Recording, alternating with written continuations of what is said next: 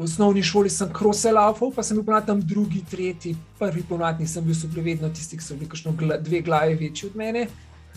Ampak sem nekako užival, ne? ker sem jaz laufal, sem mislil, sem imel tako občutek, da bi jaz lahko laufal v neskončnost. Ker takrat je bila pač tista fama, da moraš uh, vsaj enkrat, dvakrat tedensko si vzeti čas za počitek. Sem pa rekel, bom pa jaz tisti dan si vzel pač bom pa samo dva km odlaufal. Ampak potem sem pa ugotovil, da sploh ne rabim počitka. Na mestu tistih dva km se mi zdi škoda časa, pa sem šel pa 20 km. Potem pa na 120 km, pa vidim tistega, ki je bil na prvem mestu, da je tam ležal na masažni mizi.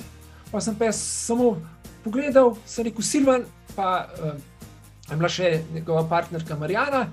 Silvan, Marijana, a gremo probat zmagati. Pa pa imamo, in smo šli, in smo šli pa zmagati. V bistvu so spremljalci moji sužnji, že na začetku se zmenimo, da če, če kakšno tako vržem, da ne mi ne zamerijo. Da, potem se jim pa poteku ponad upravičujem še par mesecev. Imel sem deset tekem na let, na devetih tekmah sem ponovadi, uh, ker deset je bil Ljubljanski maraton, uh, na devetih sem bil ponovadi na štengah.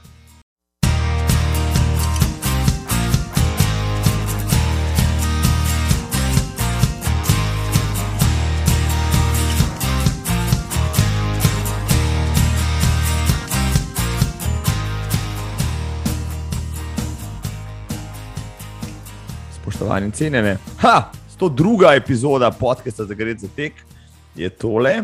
Dobrodošli vsi. Um, 102 je tudi številka kilometrov, ki sem jih največ pretekel v življenju, v kosu, tako da je edino prav, da imam v gostih ultraša.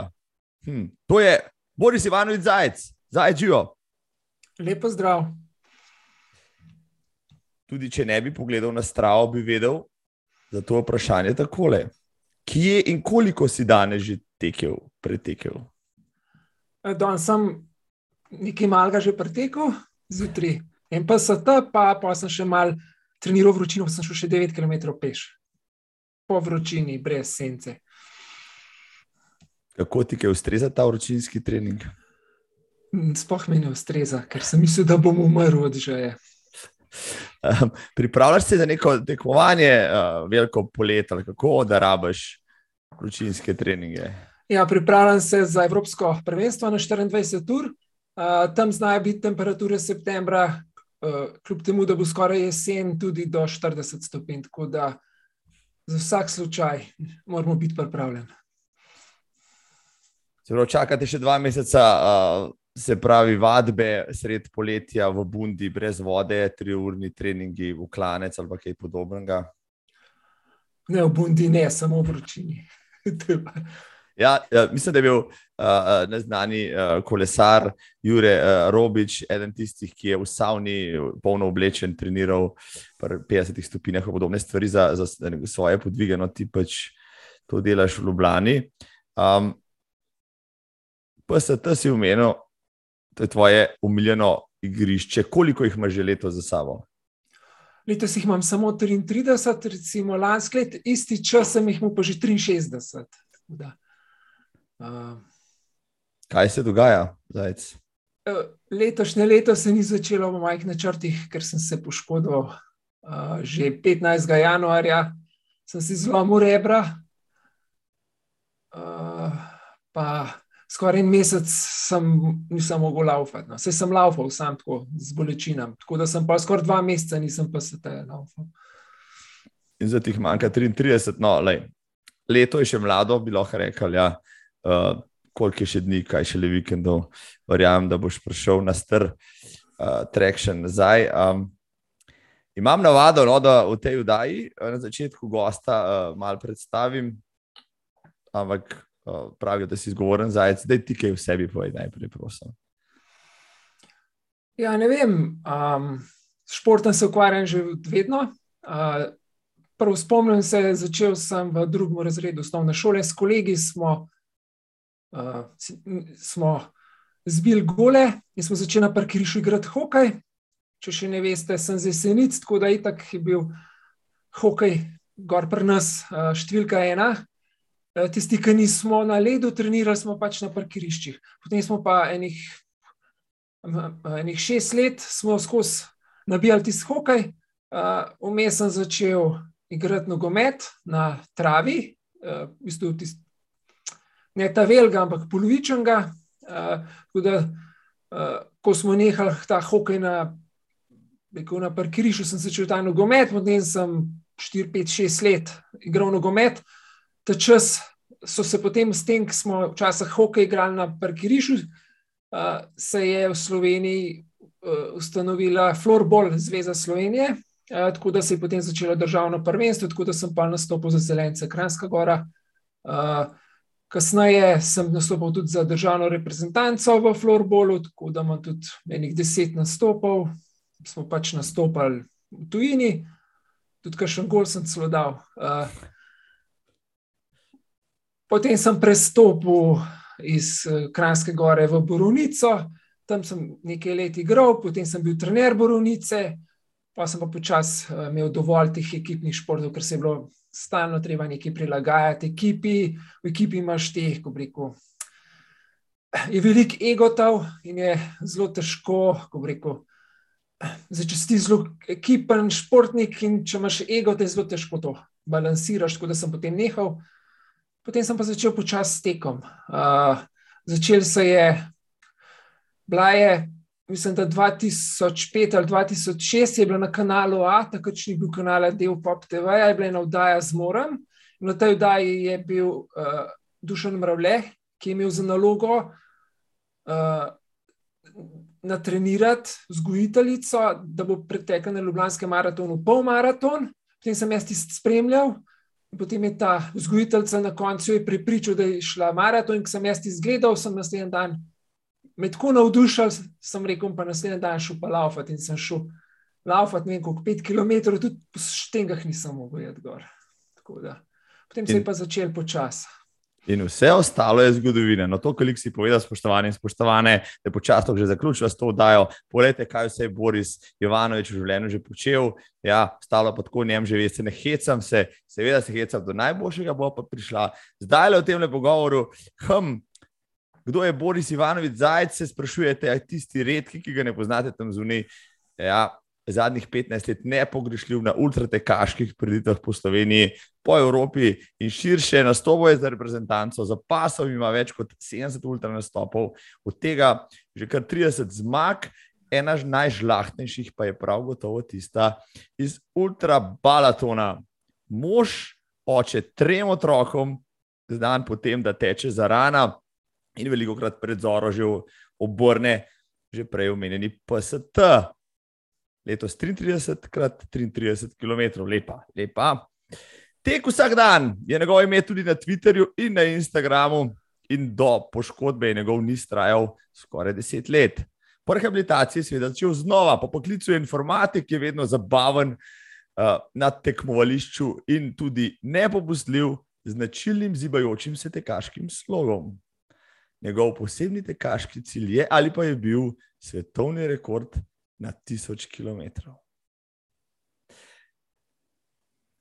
Najprej, Boris, ja, jaz se te spomnim, prej sem te užival, poznal sem te poznal na tekaškem forumu iz tistih časov, ko si umenil prele tisto oddajo z Mroletom, mislim, da je Boris, Borut Veselkov, go, vo, voditelj te oddaje. Ja.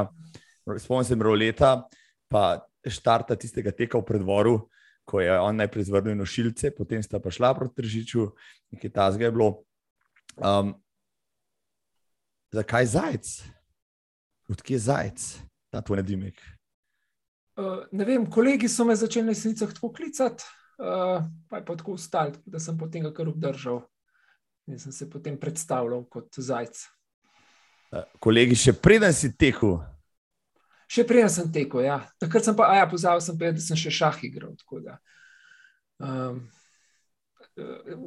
v svoji rani mladosti sem bil celo pod prva Gorenske v Šahovski, ne vem, je bil osmi razred ali sedmi, potem sem pa nastopal za uh, jeseniško ekipo. Uh, takrat za mladinsko ekipo, sam potem pa, pa nisem več naprej uh, za člane igral. Um, zanimivo potem, um, si nam za vse te hobije si pa postavil na na drugi tir, oziroma jih zanemaril, izbral si tek. Ja, um, teče že kar nekaj časa, zdaj si v Ljubljani. Se kdaj ne veličaš ljubljanskih ulic, ker vem, da tam veliko drgneš ta asfalt? Ne, ljubljanskih ulic se sploh, ko preko ne naveličam, v bistvu sem celo. Uh, V bistvu imam že par let željo priteči vse ulice in čisto po naključju sem v petek najdel eno aplikacijo, ki ti, ki ti pri tem zelo pomaga. Uh, tako da bom skoraj verjeten, se lotil še tega podviga, preteč 1600 ljubljanskih ulic. Zdaj jih imam po mojem 300-400, tako neki. 1600 ljubljanskih ulic moraš preteči. Lepa. Koliko je skupna dolžina teh ulic? No? To pa sigurno ne veš. Uh, ja, tam sem. Uh, Ja, tista aplikacija pravi samo 1000 km, tako da ni veliko. Mislim, se to imaš, to imaš, to imaš komi za dober mesec dela. No, ja, ja. Se lahko, da sem na robe pogledal, bom bolj natančen. Jaz sem mislil, da je bilo okrog 1500-2000 tam nekje. No, lepo dvig, sigurno, da se ga še nihče ni lotil. Potem, ko boš obdelal se Ljubljanske ulice, mogoče tek v vsakem slovenskem kraju ali kaj podobnega. Ne, naslednji bo kran. Uh, Bled, jesenice, domžale, trzin, pa pa videl naprej. Tako je bolj bliže kraje, ker se ne mislim voziti sem zaradi tega. Tako da, če bom šel, ne vem, v kraj sam desetkrat do desetih poskusih celega preteč. Recimo, naprimer. Dobro, zdaj le vsi krančani poslušajo, pa so šli iskati to aplikacijo, pa šteti, kako je v kranu ulic. Že začetek to. Evo, dober izziv, do konca ti oddaje, lahko to naštudirate, pa pol napišete v komentar, da bo Boris imel malo lažje delo. No. Ker nima cajt, človek je res zaseden, uh, teče ob dveh, treh, štirih zjutraj. Um, kdaj vstajaš zadnje čase? Ker so otroci že malo zrastali, ne rabijo več uh, moje podpore, uh, tako da se znajo že sami zrihtati v glavnem stajam ob štirih, grem petih, sem pa že na uh, ulicah oziroma v okolici Ljubljana. No, Glede na to, da uh, kot vsak normalen človek tudi ti rabiš spanje, kdaj potem zahajaš v posteljo? Provam spati vsaj šest ur, ker uh, če manj spim, sem cel dan potem uničen, če pa šest ur je pa glih prav. Tako da ponad šest ur imam dovolj, če pa sedem ur sem pa kot, kot, kot prerojen da imam kar malo slabo vest. Ja. Um, ker je meni včasih šestimi urami že fajn, fajn, potem obrača, pa rabim veliko kave, no, mogoče pa rabim za, jut, za jutranjo uh, zbujanko na mest treh kofetov, ne vem, 30 km ali kako. Sej, uh, To sem malo pri, mislim, jaz že, že, že vedno, no, sem rad zjutraj vstajal, tako da nisem imel problema. Recimo, če smo šli v tistih malih letih, ko smo malo več žurali, smo prišli, ne vem, v petih zjutraj domov, jaz sem, š, sem šel za eno razpad, potem smo pa nogomet igrali deset ur, brez problema. Da, nisem imel nikoli s tem problema, je pa tudi uh, treba skrbeti za higieno spanja. Najbolj preprosta rešitev, ki se vsi sprašujejo, kaj recimo reče, da bomo pa nadoknadili čez vikend. Ni to, ampak da moraš spati vsak dan v isti uri, postajati vsak dan v isti uri, ne glede na okoliščine. To je najbolj preprosta rešitev. Kako, evo, eh, draga publika, če imate problem s spanjem, rešitev je, da hodite spat ob desetih, vstajate najkasneje ob petih, um, zjutraj spijete kofe, greste nekaj odlaufati, pa imate že veliko kljub narejenih. Um, prej sem omenil tisti niz, gospod tek vsak dan na Instagramu, pa Twitterju. Um, Koliko je bil dolg tisti niz, preden se je prekinil? ne vem, če točen, kaj nisem šel računati, ker sem bil tako razočaran, okrog 9 let pa pol. To je bilo 3700 dni, nekaj takega. To se ti je zgodilo, kdaj, zdaj ne dolgo nazaj? Uh, prvi mesec korone, uh, s kolegom Lukom smo šli laufat, smo, smo hoteli en tak kratek trail, 40 km po ljubljanskih hribčkih, ampak zelo strmih, ampak potem na takem zelo nezahtevnem terenu, če bi tisočkrat laufal, se ne bi spotaknil, sem se zataknil za en štrcel, padel. Z mano ni bilo nič tako na vides, samo polka pet minut, nisem mogel ustati, sem pa začel čutiti, da nekaj ni v redu. Ne. Pa so pa nekako prišla z rašice dol peš, da me je partnerka pobrala v bolnico. Um, pa, pa takrat, ko je bila korona, mislim, tisti COVID. Uh, uh, pa, pa tisto mučenje na urgenci, ker itak nisem imel časa za te, ker so bili vsi uh, rentgeni, pa vsi uh, MRI so bili zasedeni zaradi COVID bolnikov, in pa sem tam čakal cel dan sam, in med tistimi pa čist sesul. Cel dan. Cel dan, ja, od zjutraj do zvečera. Ker ni delal MR, pa MR, pa so prišli COVID bolniki. Pa so bili taki protokoli, ki so v njej prišli, bilo treba čakati tri ure, da se ti zluftal, da ne bi se mi okužili. No, in je bilo glavno. Mislim, tako je bilo, da sem prošel tam, da so mi dali nekaj protibolečinskega, kar me je zelo bolelo. Diagnoza? Zlomljena rama, v sklepu v rami. In to je pomenilo potem, koliko tekaške pauze, Boris? Naslednji dan sem, sem probal iti laufat, uh, ampak ker sem ravno 45 minut za 2 km, sem rekel, da nima smisla, da je brez veze, ker me je tako bolel, da ne znam opisati. No. Um, bistvu ni bil niti problem ta bolečina, problem so bili krči. Jaz sem dobil prvih par tednov, vsakih pet minut krče in to je bolelo tudi najhujšemu sovražniku, ne tega premošču. Uh, pauza je bilo 28 dni, uh, potem sem pa začel čist, rekel, spet čisto od čistega začetka.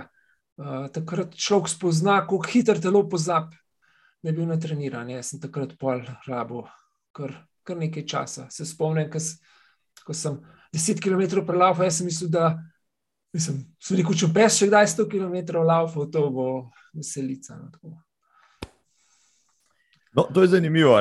Laufaš ne, 15 let intenzivno, potem en mesec ne laufaš, ne, ker telo se je več uh, regeneriralo, tudi po poškodbi, pa rehabilitiralo vseeno. Tako hitro praviš, da uh, je, si izven forme, ne še samo iz forme, tudi iz tistih občutkov, ki si jih prej kot dobro, redno treniran posameznik imel kot samo umevne. Uh, ja, hitro, ne. mislim, da že po 14 dneh je zelo veliko padec. Ne, tako da dejansko ne smeš nikoli nekaj trenirati. Je pa, je pa to v redu, da imajo mišice, tako imenovani mišični spomin, tako da pa tudi hitro lahko nazaj prideš. Ne. Jaz sem rabo kar ne 3-4 mesece, no, da sem spet nazaj prišel na stara pota. Vmes sem šel še celo na formaraton, ki je bil takrat na srečo samo 4 ure, pa sem bil takrat z 39 km več kot zadovoljen, ker roke tudi premikati nisem mogel, šest protibolčinskih tablet sem vzel. Takrat sem tudi odkril novo strast, hojo. Uh, sem dva km hodil, pa sem šel pa tri, štiri ure hoditi. Tako da sem v enem mestu naredil tudi za en kamino, ne 800 km. Nisem enostaven, nisem mogel, da ne bi. Ja, takrat naprej pa hodim tudi vsak dan, vsaj eno uro. Samo hodiš, pa ne sred noči sklepam. Ja. Ne, probam tako min grede. Recimo v službo, pa nazaj, pa ima pa ura tako možnost, da pa skombiniraš, da zgleda, kot da si skupaj hodil.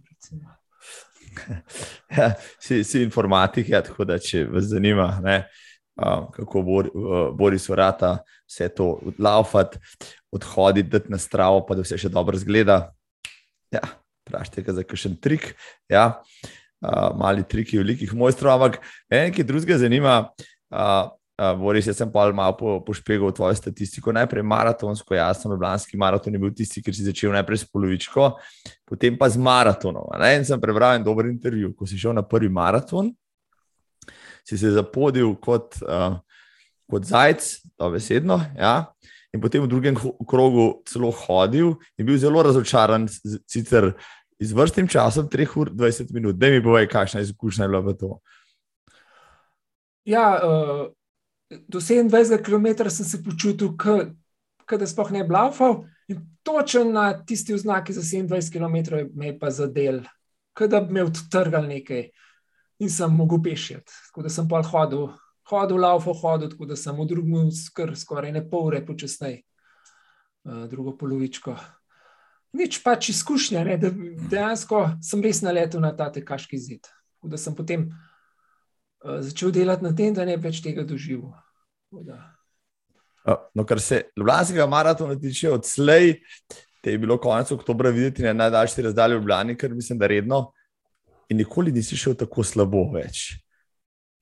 Ne, to je bil danes, res moj najslabši čas. Uh, ko sem uh, um, uh, Edini mogoče, če je bil ta železna kapla predvor. Sam mislim, da sem imel tudi tam 3-15, mislim, tudi nekaj zelo podoben. Mislim, da sem imel celo boljši čas. Uh. Uh, no, morda tam zunaj uh, velja čist napačna fama, da ultramaratonci so zelo počasni tekači, ja, um, ki, ki, ki ne znajo noge hitro stegniti. Ampak ti vsa ta leta, že 15 let, dokazuješ, da teč 4 minute za kilometr, tudi 3 ure skupaj ali več, ti ni nek velik problem. Um, dejansko treniraš tudi hitrost, ali ti te kaški kilometri prinesejo tudi to, bom rekel, kar zavidljivo hitrost za, za ultraša. Uh, ne, treniram hitrosti, ne. V bistvu se vedno hecam, da grem na interval, na Ljubljanski maraton. Se pravi, um, No, poglejte si, spoštovani, spoštovane, govorite statistiko. Ja, Boris je v Ljubljani tekel tudi že 2 uri 47 na maratonu, kar verjamem, da je večini od vas še ni uspelo, morda nikoli ne bo. Uh, morda ti je tisto koronsko leto bilo prezenešeno, da je pol ni bilo maratona in da si se potem lansko leto spet lahko vrnil, pa spet v teku iz vrstnih tripa. Jo, lan, lan, ja, let, sem lani sem imel pa res smolo uh, po ultrabalatonu sem prehiter začel trenirati. Mislim, da že na sedem dan sem šel že 20 km, na mestu, da bi počival, in se mi je unela tetiva. In od ultrabalatona do Ljubljanskega maratona sem samo tistih dva km laufal. Tako da sem šel s čist novimi hoka, supergami, uh, s protibolečinskimi tabletami. Potem sem še kolega Luko rekel, da ti bom jaz spremljal in so pa laufali. Tako da sem uh, do 30 km sem ga, sem ga še jaz vodil, potem me je pa tako, me je tako usekalo nogo, da sem mislil, da bom odstopil. Sem Luka naprej poslal, da ne pač gre, ne, ker sem mu obetal njegov rekord takrat, ampak pa se pa meni spet odprl, na koncu sem ga pa še celo prehitil. No. Ampak, Lahko bi bilo boljše, no, sem računal okrog treh ur, ampak dobro, nima, nima veze. Važno, da sem takrat glavu. Kot zanimivo, spar dni po Ljubljanskem maratonu je pa tetiva nehala boleti. To je pa. Kot za nalaš. Ja, kot za nalaš. Ja. Boris, evo, Ljubljanski maraton. Uh, Ti je ljub, ti je ljub maraton, ti je ljuba dirka, se to rad vračaš, pač zato tja hodiš, ker je pač domača dirka. Uh, sploh Ljubljanski maraton mi je naj, najboljših, mislim, ena od ljubših dirk, sploh zaradi tega, ker grem jim naše bajte in me ponovadi tukaj pri meni čaka Coca-Cola, v glavnem Coca-Cola, se to mi je bolj, najbolj važno.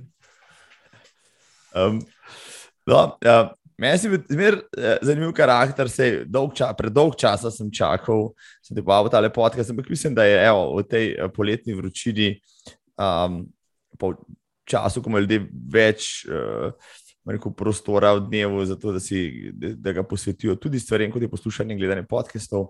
Tako, kajšno uh, reče o tem, Uh, Kje sem jaz tebe prvič v živo videl, no, mislim, da je bilo to, ali je bilo logarski ali je bilo formaratonu, tiste da, davnih 13-14 let nazaj. Um, takrat sem bil, pa sem gledal rezultate, še zelo blizu tebe, sem malo zaostajal, vem, morda na logarskih kakšnih 15 minut, ampak potem mene ni bilo nekaj let, pa pogledam, je pa Boris silovito napredoval. Kaj se je zgodilo takrat, da si pojačal toliko na kilometraži? Uh, si imel toliko več izkušenj? V resnici povedano, ne vem. Začel sem počasi, najprej v bistvu moj cilj je bil, da bom laufal na tekmah med 10 in 20 km. To že čisto iz štarta, ne da breko ne vem. Do 10, ampak točno to razdaljo, 10 do 20. Ne? In sem šel, se prav spomnim svoje prve take tekme, ko sem začel za res laufati. Jaz sem laufal tudi že prej. Jaz sem recimo v osnovni šoli sem krose laufal, pa sem bil tam drugi, tretji, prvi ponovadi nisem bil, so bili vedno tisti, ki so bili kakšno dve glavi večji od mene. Ampak sem nekako užival, ne, ker sem jaz laufal, sem mislil, sem imel tako občutek, da bi jaz lahko laufal v neskončno. Tudi, takrat sem tudi spremljal dušen mravletak, ki je bil skozi v slovenskih novicah in seveda začneš razmišljati o tem, pa si misliš, o, oh, kako lahko eni tako laufajo dolg, hočem pa tudi jaz. Tako, ampak, ampak nisem pa nikoli imel volje. Ne. Trikrat, štirikrat sem šel trenirati, pa se mi pa ni več dal. Uh, pa tudi v srednji šoli sem bil tudi naši srednji šoli sem bil tudi tam drugo, tretje mesto, prvo, seveda, spet nisem mogel biti, ker so bili za glavo dve glavi večji od mene.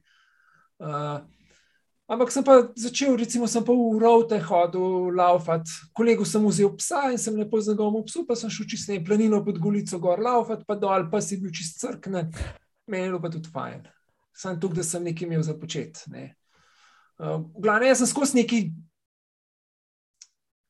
skozi sem že prej migal. Ne. Tudi šel sem pri 17 letih ali 16, sem šel že tudi pol, prvi pol maraton na jesenicah, se tudi spomnim, sem se zagnal.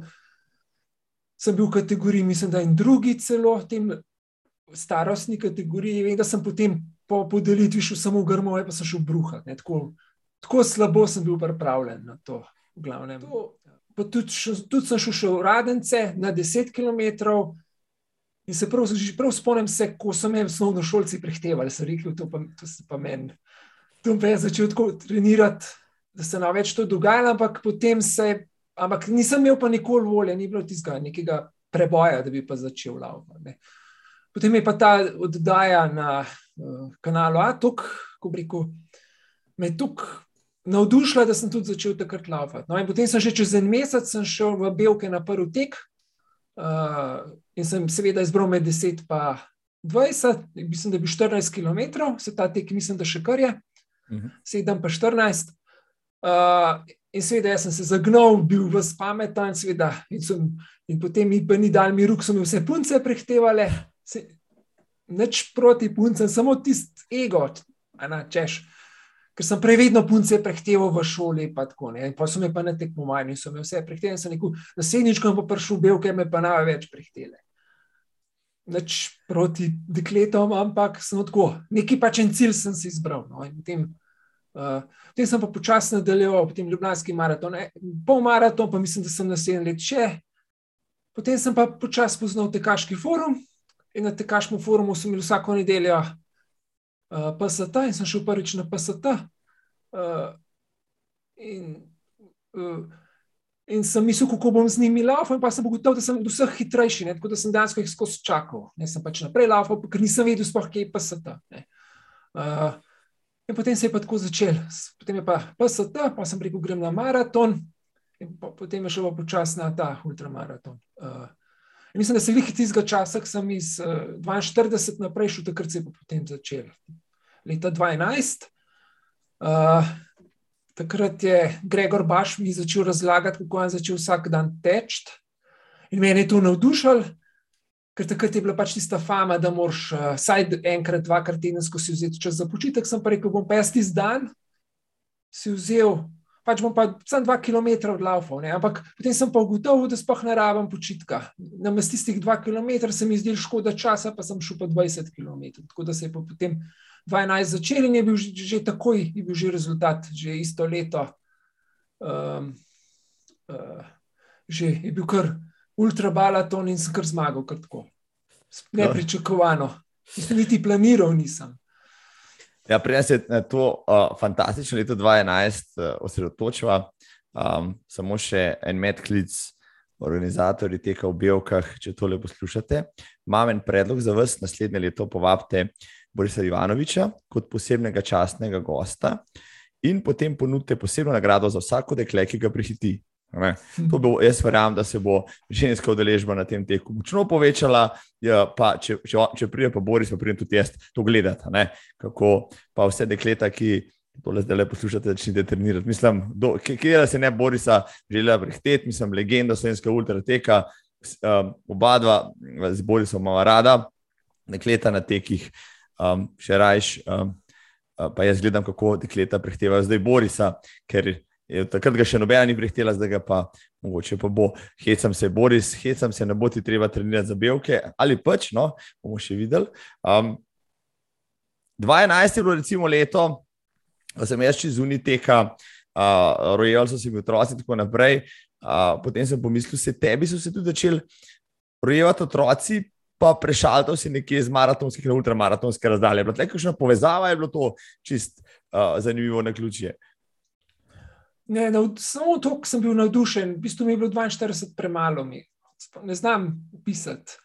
Uh, v bistvu so problemi vsi bili tisti, ki so laufali več kot 42 od pripovedovanja. Ne. In me ta magična meja 42 tako zamikala, da sem potem začel pa 50, pa 60, pa 70, potem je pa pač kar ratal. Pa si že takrat, že predtem svoje teke upravljal zjutraj, ali si to poč začel takrat početi zaradi otrok, družine in tako naprej? V bistvu sem kar tako. Uh, prvih par mesecev sem celo popoldne hodil laufati, potem se je pa rodila hčerka, se to je bilo zelo hitro, mislim, da še pol leta ni bilo. Uh, uh, potem sem hotel biti stalno na voljo in sem rekel, pa začel zjutraj laufati. Potem sem, pa, potem sem ugotovil, da je zjutraj najbolj šlaufati in od takrat naprej sem okužen z jutranjim tekom. Jaz si predstavljam, da je le poleti, ki je že ob štirih, se fa načne, da ni, pa prijetne temperature so. Milina, recimo, zjutraj tečemo po zim, mrz, tema, uh, dež, uh, uh, plugi na cesti, zameti, noro. Mislim, kako se pa takrat spraviš iz ceste? Jaz vem, da se bolj težko. Ja, zjutraj je Ljubljana komotka pluže ceste, jaz sem kar zaplugam po Dunajski, sredi Dunajske laufe. Po Dunajski prišel avto, sem šel na pločnike, avto še vem, sem pač, pa sem pa gor dol po Dunajski, recimo, laufe. Uh, pa si prišel domov, pa si rekel, ženi, uh, a si že skidala, prosim, tole. Lej. Ja, potem pa še skidam, pa, pa še skidati sneg pred bajto, ja, itak. Da sem porat štirih šel, pa pol osmih sem pa končal s skidanjem. Kako pa, pa tvoja draga partnerka gleda na tvoj uh, zanimiv hobi, recimo, da te polnoči pač ni? Zdaj se je tako navadila, da um, ne vem, včasih spoh Včasih, če grem kasneje, zdaj, ki hodim tudi kasneje zaradi vročine, eh, mislim, da sem že odlaufal. Potem pa vprašaj, kako greš laufati, še nisi odlaufal. Uh, jaz pa tam v Bosmih skačem okrog. Ne, ampak, ne, včasih se tako dogaja, da sploh niti vedel niso, da sem hodil laufati. Oni so še spali, sem jaz že stuširan, bil sem čakal, da se zbudijo. Ker sem v glavnem jaz otroke zjutraj vrtec vozil, tako da sem mogel do šestih biti pa noči doma. Um. No, zanimivo je, da si rekel, da ja, z leti si tvoja malo jutranja rutina spremenja. Kako pa, ok, zdaj počasi se spogleduje že, uh, rekel, s okroglo obletnico. Kako pa te, kdo imaš danes, recimo, 15-20 let nazaj? Takrat je bilo malo drugače, mogoče.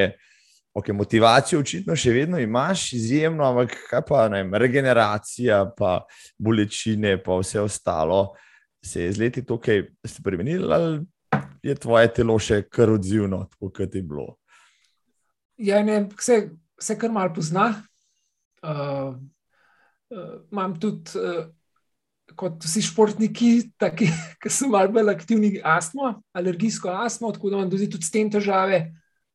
Uh, in ni več isto, no, tako kot je bilo. Vem, jaz pravim, kot da sem porabil vse tiste notranje maščobe, ki sem imel. Saj. To je moja teorija, da na začetku zato hitro napreduješ, ker imaš še ogromen maš, maščevja, skritega. Uh, in tisti tist kuraš. No, ker jaz se spomnim, včasih sem rabo pol manj jesti, pol manj piti na tekmah, kot pa zdaj. Zdaj moram skoraj celo kosilo pojesti, če hočem kaj odlaufati. To je, to je zanimivo. Kaj pa regeneracija, no čisto tako, jaz sam pri sebi opažam, da če ne bi imel težav z regeneracijo, bi se brško ne večkrat pognal tam na cesto, ampak včasih mi pa res vse tiste bole, boleče kosti in mišice, ker ne dajo, da bi šel. Mislim, s tem nimam težave, imam, sem pravim, težave imam s tem, da sem počasen, ne znam, ne, ne znam opisati, kako bi to povedal. Nekako nekako imam vedno neke težave, mogoče tudi psihološko sem zdaj padel v te. Ne. Preveč hitro obupam, recimo, kot kar počasih. Pač si... z, z regeneracijo, važno je najprej, saj, da šest ur spiš, pa meni zelo pomaga hoja. No. Po teku, potem pa vsaj še pet km hoje, da se noge, ko reko, raztegnem in mi to prav ustreza. Ja, zdaj se bomo vsi spametovali ali pač ne. Um, Dejva se vrniti v prelomno leto 2011, začetek ere Borisa Jovanoviča Zajca. Takrat si začel dobivati te tekme, kar po tekočem traku, 12 ur v Avstriji, pa Zagreb, Vukovar, sladki šest, ampak prej si omenil, šel si prvič na balaton in gladko odnesel zmago. V bistvu en let prej smo šli pa s kolegom, uh, smo šla uh, štafeto, Aha. dvakrat sto, v bistvu so šla, ko reko, firpcat, kako izgleda to. Tako da je v bistvu to uh, generalka, takrat so bila, mislim, da četrta v skupni razvrstitvi, ker je bilo čisto nama, čisto redo, v bistvu niti nismo spoh načela. Nič, prišli smo, potem pa naslednjo leto, prišli smo, jaz sem imel cilj 24 ur, sem rekel, to je možno, šest, mislim, sem rekel, če po 24 urah to ne zlaufam, bom pa že. Pa je bilo pa zelo zanimivo, ne? hiter štart. Vmes sem se še celo hecel na 30 km, ker sem kar, kar povedal, sem, to mi je bilo najbolj čuden.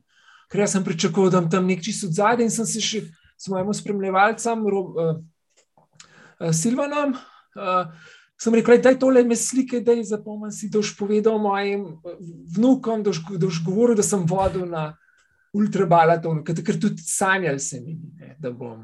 Uh, potem smo pač lepo nadaljevali, meni se zdel nič posebnega, jaz sem pač sam laufal. Uh, ker tudi nič niti za jesti nismo imeli sabo, dva bureka, dva gela in to je vse, kar smo imeli, pa Coca-Cola smo imeli. No, mislim, res čist nepripravljeni smo bili. Potem pa na 120 km, pa vidim tistega, ki je bil na prvem mestu, da je tam ležal na masažni mizi. Pa sem pa samo pogledal, sem rekel, Silvan, pa uh, je bila še njegova partnerka Marijana.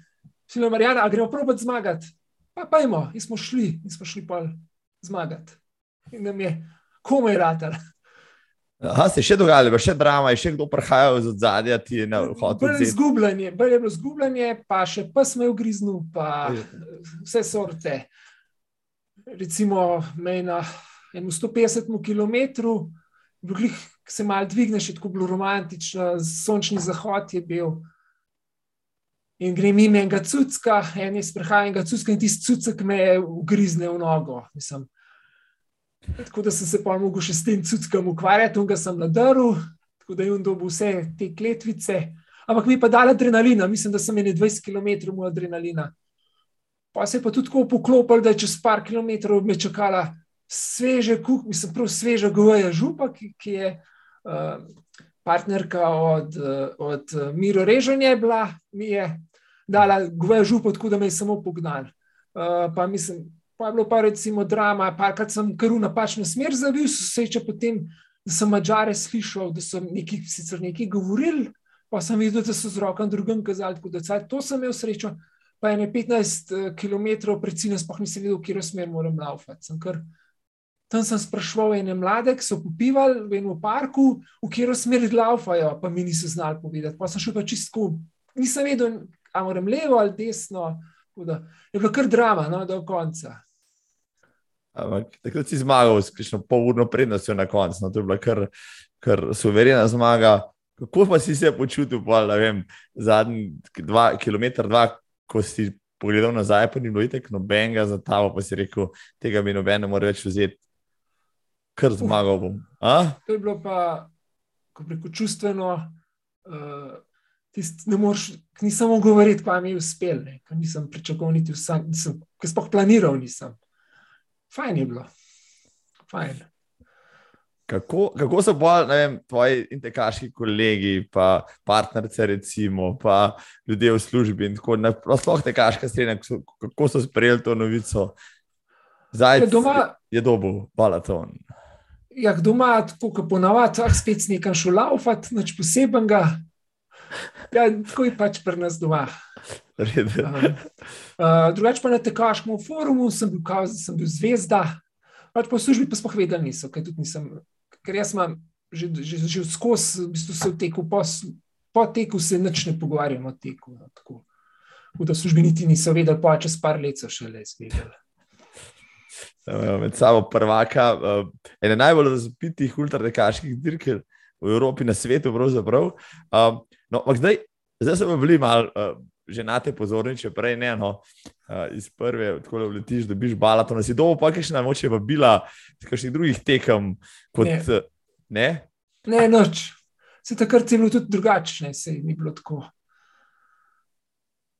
če ne, je Facebook bil ali kaj, se takrat ne vem, sploh Facebook bil pa to, recimo, sej. Um, ja, kako bi bilo to danes, ja, ja zmagati recimo na Balatonu, ja, bi si kar bolj odmeval, ja, pa sponzorji bi ti ponujali sopate, energijske napitke, ne, kompresijske gate ali pa vse to, ne. Ja, žal, žal, takrat tega nisi mogel tako dobro naučiti. Mogoče po tem podkastu ja, pride kdo do tebe, uh, upam, da, no, uh, poleg organizatorjev iz Belk. Uh, ampak uh, zdaj, ko je dobiti balaton, da je vsak ultraž, s katerim se pogovarjam, reče: Ok, najprej na balaton, pa na špartatlon. Ja? Kako pa to, da Boris Ivanovič, ne, zmagovalec ultrabalatona, potem ni kar po naravni poti, organsko zavil tudi malo južneje do Grčije? Ja, takrat uh, sem tudi denarne težave. Mislim, imel sem obdobje, ki tudi super, nisem mogel kupiti. Uh, tako da najprej bil to razlog, ne, ker to vse en bi bil en tak znesek. Imáš uh mhm. -huh. vsaj dva spremljevalca, pa vse moraš zrihtati, pa prevoz bi vsaj bilo 2000-3000 evrov, se ne vem, koliko bi to bilo. Uh, v bistvu sem, ko rekel, takrat bi mogel iti, ampak pač nisem šel. Sem pa vsem bil na Špartatlonu kot spremljevalec. Ne. Vem, kako to zgleda, vem, kakšno je trpljenje. Um, Če bi, evo, če bi te povabili na Špartaton, ali pa recimo, če bi ti nekdo rekel, da imaš pet jurjev, da bi pa na Špartaton, bi šel. Takrat bi sploh šel, ker sem se čutil tako močen, da bi za med prvi pet probal. Uh, ker sem verjetno bi mi tudi ratan, ali pa tudi ne. Uh, uh, Zdaj bi pa šel, ja, verjetno bi šel, se ne vem. Sam, če se mi ne bi bilo treba ukvarjati z organizacijo, da bi jaz sam prišel, da pridem nekaj dol, pridem na štart, odlav, pa grem lahko domov, da mi treba še vse ceremonije. Ja, vprašanje pa, kako bi, vprašanje pa, če bi prežutil, ne, zdaj tudi malo drugače. Um, no, um, prideva še do tega, ja, do novega ultratekaškega buma v Sloveniji. Um, za trenutek ostane še pri Balatonu. Um, zaradi te zmage, možemo če je ultravalaton, tvoja najljubša dirka, vendar le si bil tam že, mislim, da zdaj vem, petkrat ali šestkrat. Ja, definitivno, verjetno drug let spet grem. Um, če, bo, če bom dobil spremljevalce, drugače pa nam šel. Ker brez spremljevalcev ni to, ni, ne moreš tega preživeti. Um, Predvidevam, da prej si omenil, da ja, um, Rosija, Silvana, Robo, pa Marijano, oba poznam. Saj dva morate biti, da logistično oskrbujete tekača, še dobro, da bi bilo še kakšen več, morda, kako to zgleda. Sam se takega no... podviga ne, ne, ne moreš lotiti, to si že večkrat podaril. Ja. Uh, ja, tečeš, neč ti ni treba razmišljati, vse more spremljevalci razmišljati, oziroma spremljevalci morajo razmišljati na mestu tebe. Ne pa seveda morajo streči vsake tvoje želje. Bistvu so tvoji, bistvu so spremljalci moji sužnji. Že na začetku se zmenimo, da če, če kakšno tako vržem, da ne mi ne zamerijo. Da, potem se jim pa poteku ponad upravičujem še par mesecev, če sem nekaj nadiral. Recimo. Če se ni spomnil, mogoče ja, tega mesta. No, pa se ne fotke iz Balatona z eno zelo barvito marelo, greš tam po eni zapuščeni cesti. Um, to je bilo tisto leto, ki je bilo peklensko vroče tam. In takrat nisi zaključil dirke, če, če, če, če prav vem. Ne, nisem. Uh, mislim, bil sem zelo dobro pripravljen. Uh, takrat bi definitivno šlo po, med prve pet, če ne celo zmaga. Vse mislim, da sem celo vodil ali bil na drugem mestu. Uh, ampak sem pač precenil vremenske razmere, ker sem prvič v življenju doživel, da sem videl, kako se topi asfalt. Uh, in je na stotnem kilometru do besedno, čist me izvel. Tako da pač iskal sem takrat rešitve, pa sem proval z dežnikom hoditi, da se malo hladim, ampak je bilo mogo, čist drugo taktiko bi mogel. Se tisto leto je pa celo, mislim, da ženska zmagala, absolutno pred vsemi. Ne. Razsilija, ljubič, ja, tako. Ja. Lokalna matadorka, še vedno izvrstna tekačica. Tako, tako. Mislim, da je bil takrat Klemen Boštar v cilju. tistega balatona, neznosno vročega. Ampak da mi nekaj povej, no to sprašujem vse ultraše. A so odstopi nekaj, kar pa že. Možeš zdaj tu zakup, če se ukvarjaš s tem športom. Slej, ko prej pride pač pa slaba dirka, slab dan, ko bo treba pač priznati poraz, se s tem pač soočiti, uh, hkrati pa, ko enkrat odstopiš, ne biti tako sproščen, da bi ti to preveč prišlo v navado. Uh, jaz sem imel prvih deset let prav tisto, ne bom odstopil, pa če si nogo stran, uh, če mi noge stran odpadejo. Pač na ultrabalatonu sem mogel, ker tudi hoditi nisem mogel. In ker tudi v limit, tudi če bi pešil, mi ne bi rad ali tudi približno v limitu pridati. Tako da ni imel sploh smisla nadaljevati. Uh, zdaj, le, ko sem nekoliko bolj starejši in modrejši, se mi pa prevečkrat dogaja, da prehitro obupam. Ne. Zdaj se mi je zgodilo celo tri zaporedne, 24 ur, sem kar. Uh, dva sem odstopil, enega sem pa celo hodil 12 ur. Sem rekel, da ne, če ne zgom, pa sem hodil. Ne. Sem bil na koncu pa isto zmatran, kot oni, ki so zmagali. Ne. Tudi 12 ur hoditi ni mači kašalj. Um, da, to, to me zdaj, to, to, to bom zdaj le mogel v uh, septembru v Veroni.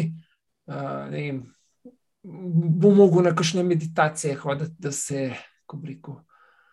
Uh, ja, dejansko.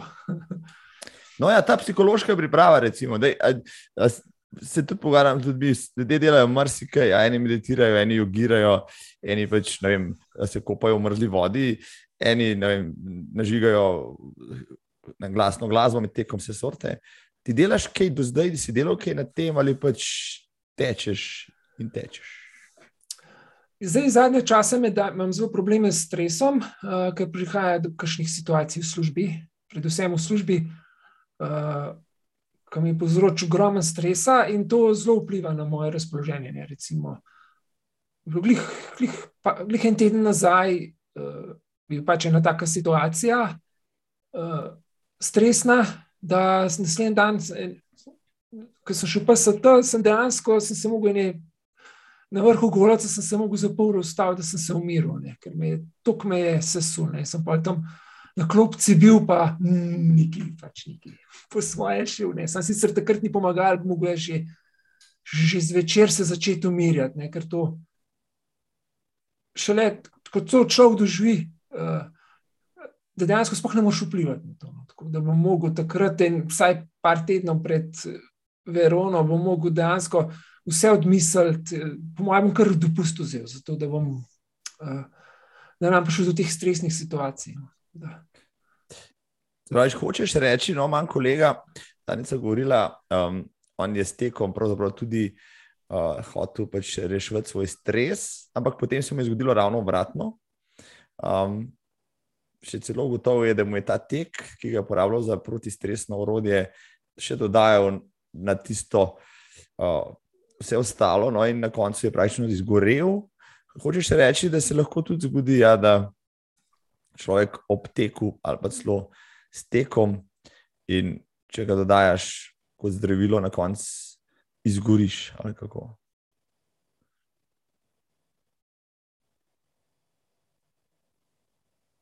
Pa so zamrznili, kaj se dogaja? Nekaj se dogaja, zamrznili si. Eh, zdaj le te prekinili. A ja, ja. če si zamrznil, zdaj ti si tudi zamrznil, okay, zdaj pa ne vem, kje je problem, ker čakaj internet. A me vidiš? Pr, ja, pa, odlično, kaj pa ti mene? Zdaj pa ja, ampak je bilo ene minuto, dve. A toliko časa? No, ne, pol okay. minute, no, ko sem začel no. sprašovati. O... Aha, no, de, mislim, tebe tudi, ti tudi zamrznil, pa ne vem, to je internet. Otroci pobirajo eh, filme, hitro da jim vzem računalnike. Mamico, ne, sem jim vzel vse, telefona, mestle, malo še ni doma, ga, tema, tako sem spet pogledal. Čakaj, imaš prav, dobra fora. Otroci, a ste na internetu?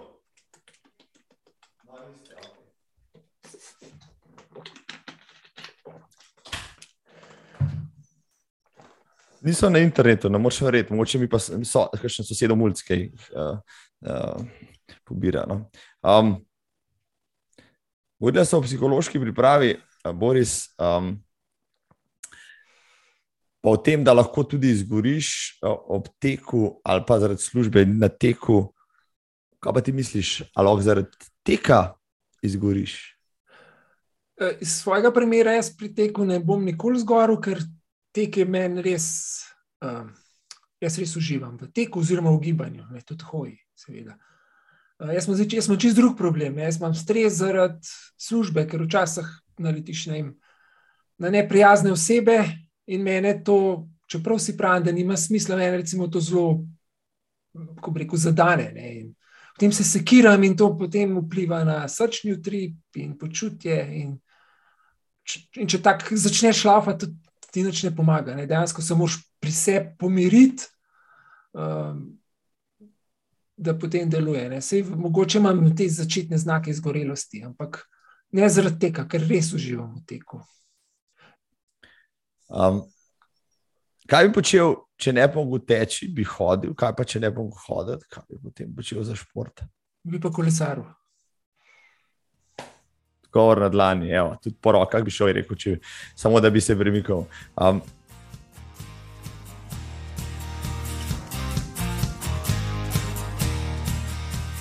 če bi ti nekdo ponudil svetovni rekord na 1000 km ali pa zmago na Šparti, kaj bi izbral? Zdaj noč, ker nisem ničesar sposoben. Pred leti pa 1000 km. Ja, to, to si večkrat omenil v tistih svojih zgodnih intervjujih, da tistih pet dni pa neki, se to en rekord bi se dal natrenirati, pa da ga enkrat boš. Uh, se še kdaj spogleduješ to mislijo?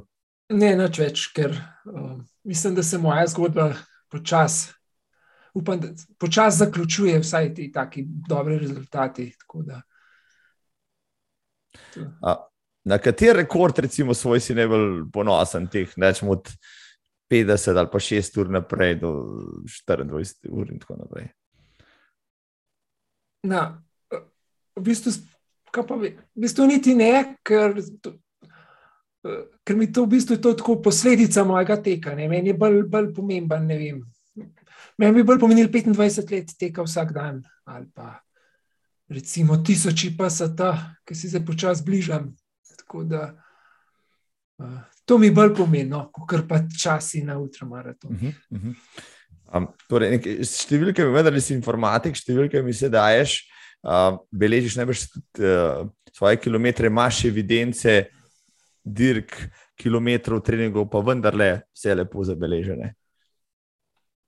Uh, vse imam. Um, Pred 12 bi lahko še malo poiskati, ampak imam nekaj zabeležen. Sam takrat je bilo tako malo tega, da tudi če tudi če spustim, ne vem, če bi to 3-4% vseh mojih tekov pomenili. Včasih sem res,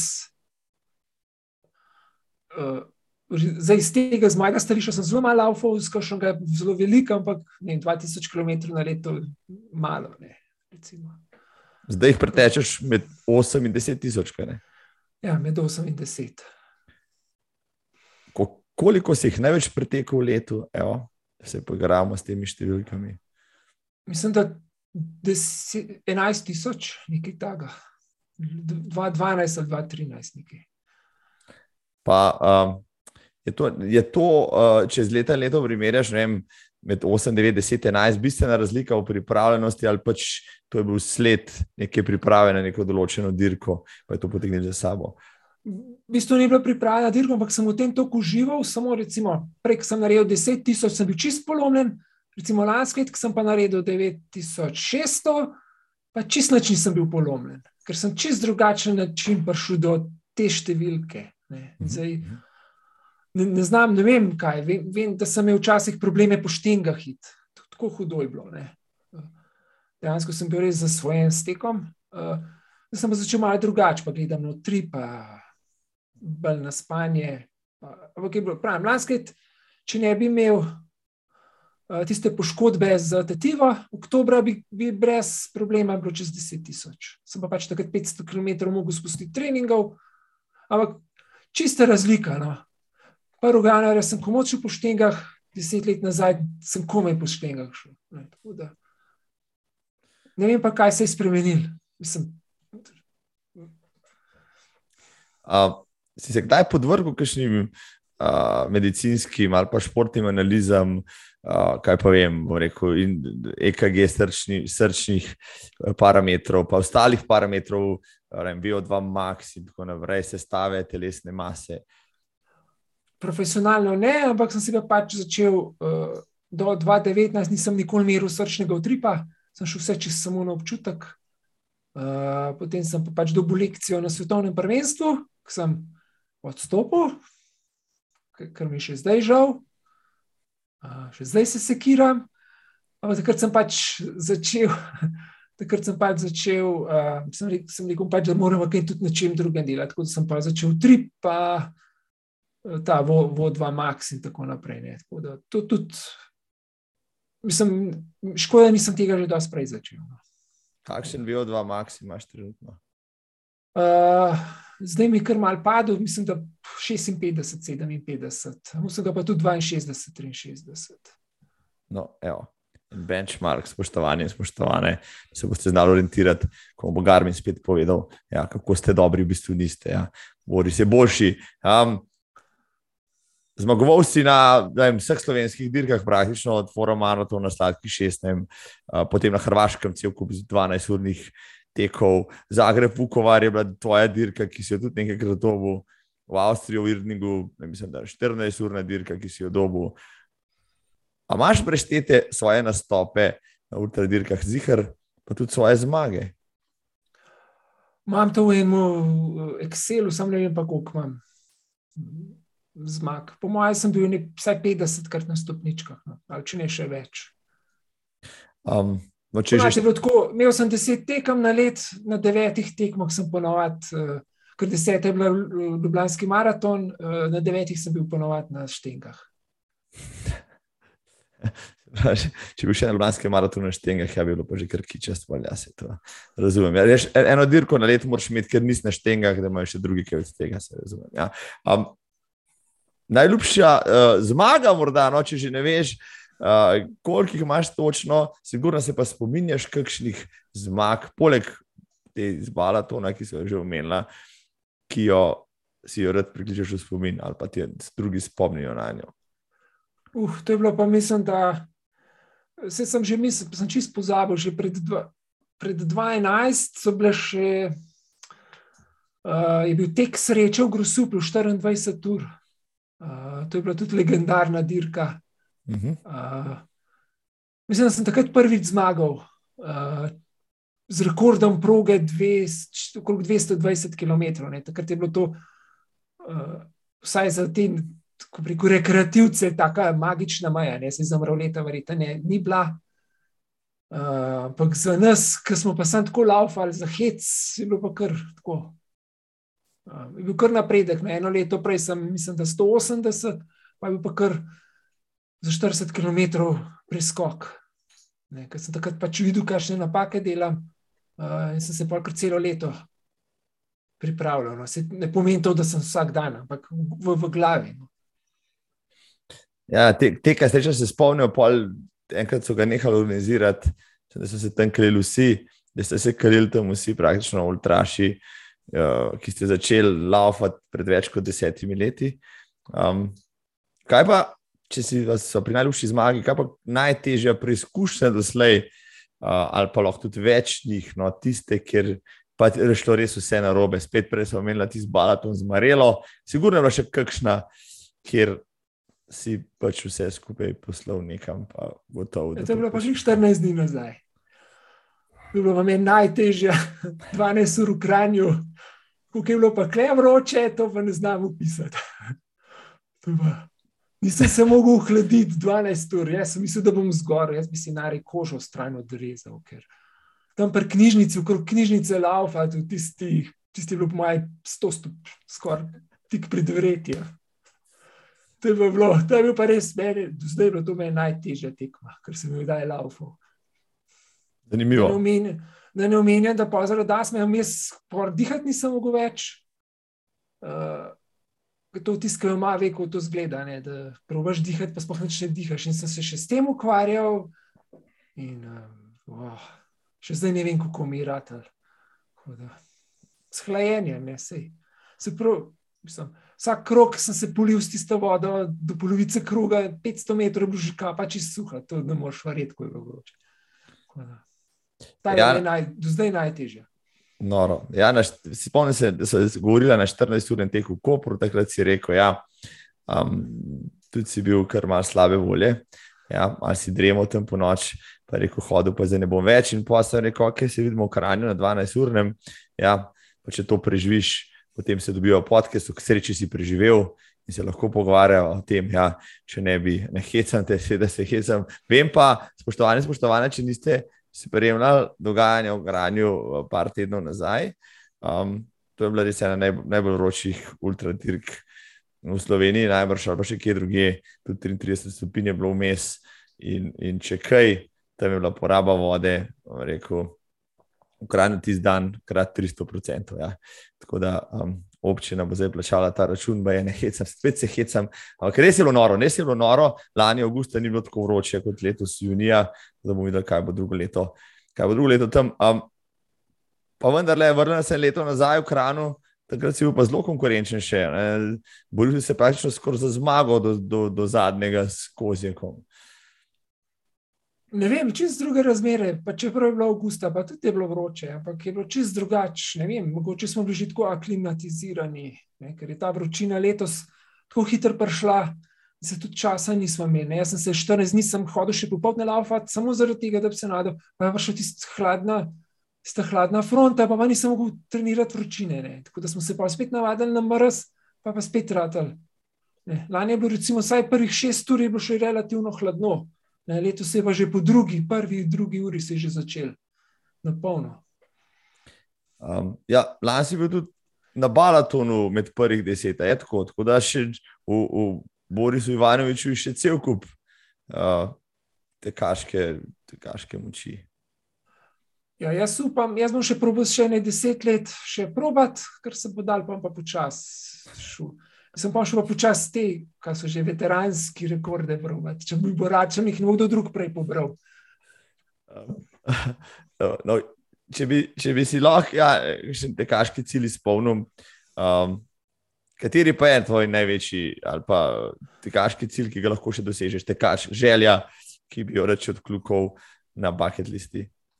Pa, tako špartetno. Čeprav nočem jaz, ampak ki mi vsi, vsi sprašujejo, zakaj ne gre, zakaj ne ima, da je enkrat mi pa šupa, kam že pregrizo. Povedano je ja, iz, iz tvojih ust v, v, v šesa grških bogov, ja, da te tja uh, sprejmejo. Jaz mislim, da te bodo kmalo, kmalo, uh, moče že uh, naslednje leto ali pa kaj tasga. No? Ja, to bi bilo super, taka simbolična stvar. Um, Vem, da takrat, ko si začenjal, ja, tale vsakodnevni tek, za katerega te je navdušil Baš. Gregor Baš, imeli smo posebno oddajo na, na to temo, Gregor pa Nataša Brunec je takrat govorila, on je rekel, vezno se moraš povoriti tudi zajcem. Um, njemu je zadnjič, ni se prekinil, da ga bo spet začel. Takrat si govoril od začetka, da bi rad naredil 10 tisoč zaporednih tekaških dni. No, zdaj to pomeni, če hitro računam, koliko let, skoraj 30. Vsaj 25 sem imel cilj. Uh mhm. -huh. Kaj pa zdaj, ko si nisi začel na novo? Ja, zdaj imam dve let, pa še mal. Uh, ja, isto spet 25. Bom pa do 80 ga delal ali dokdaj. Je, je rekel, bom pa, ja, bom pa potegnil. Pač se ne, se, mogoče se smešen zdi, samo tek vsak dan je postal moj način življenja. Dejansko brez tega sploh ne morem. Merska enota je milja, oziroma 6 km ali kako, ali 2 km, kaj si rekel pri tebi? 1608 metrov ali 9, ne vem, čistočen. Uh, to je merska enota, uh, nadzirate noben, tako da moš sam pri sebi, ne smeš golfati. Nekateri pravijo, da pa je to eno miljo prelavati, tako da vsak upravim probe enkrat 40 vročine prelavati, ali pa če ti po noge manjka to prelavati, ali pa če ti rama bolj, rama moš zvomljeno probe to prelavati ni vedno kamotne. Um, pa ti je to tako, se splača, no? je, je, pomemb, je tako pomembno, da reko si 40 ročine ali pa zdomljeno ramo, um, je vredno. No? In, rekel, tudi v zelo suboptimalnih pogojih, morda tudi na lastno škodo, pa odkrivati, mogoče tistih 10 minut, čeprav, rekel, psihofizično nimaš več od tega, samo še en, eno zvezdico na seznamu. Ja, jaz nikoli nisem imel take poškodbe, da ne bi mogel. Ne. Si, už tudi malo poslušati svoj šesti čut ali sedmi čut, ki ga imamo. Um, mislim, če bo ne vem, obrabljen hrustanc v kolku, sigurno ne bi šel laufa dva km. Ne. Ampak tako pa vse čutiš pri sebi, a lahko ali ne moreš. No. Sej, um, definitivno, da če bi pol kolina manjkalo, pa sigurno ne bi šel. Ne. Sej, to pa spet ni vredno. Ne. Ampak dokler pa gre, zakaj pa ne? Mhm. Bravo.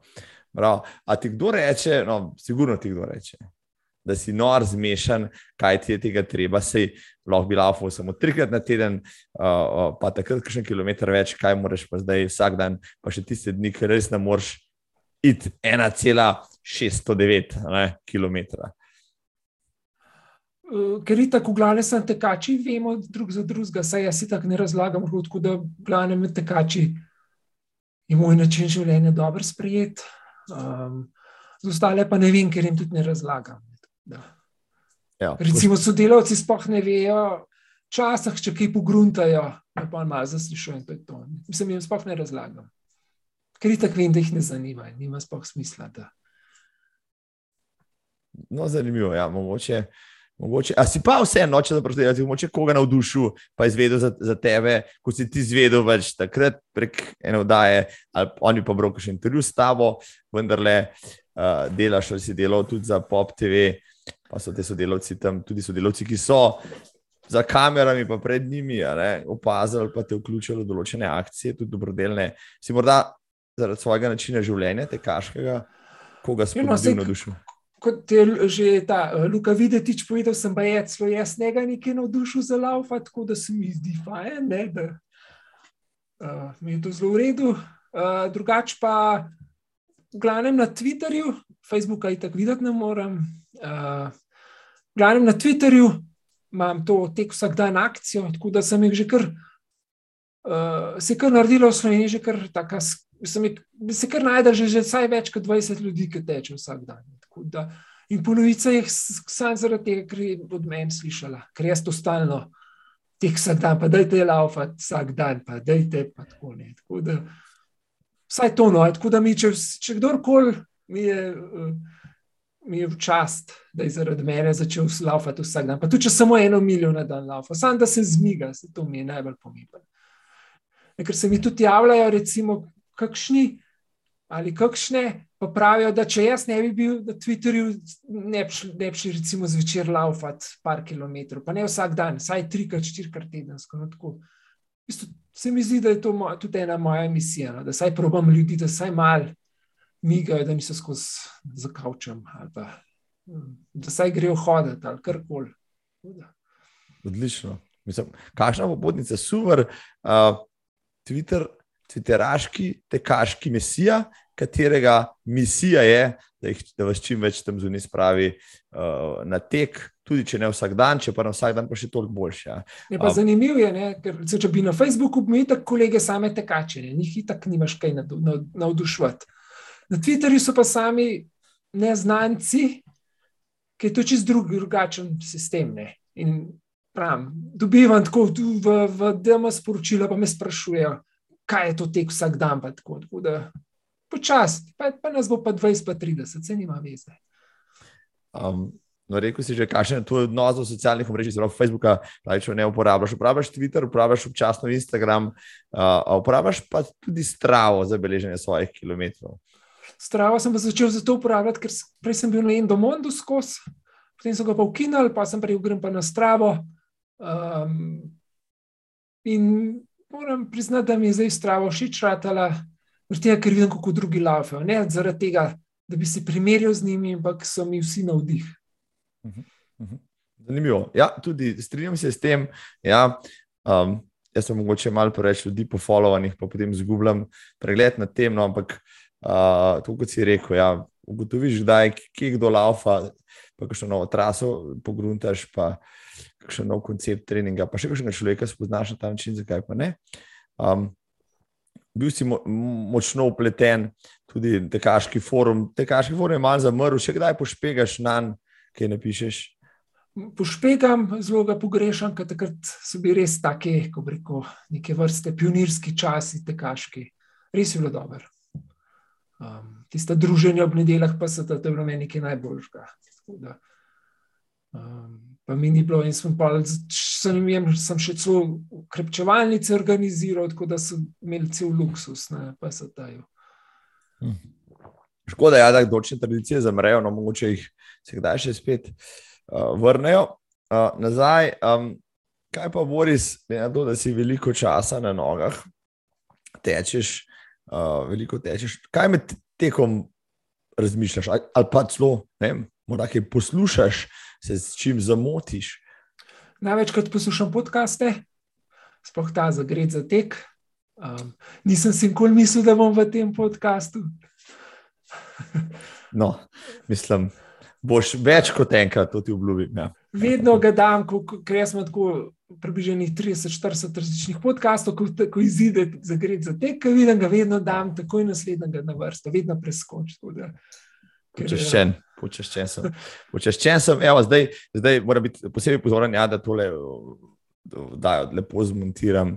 Ja, pa da vse tvoje prave misli izpostavim, res eh, nekaj zanimivih stvari si mi povedal.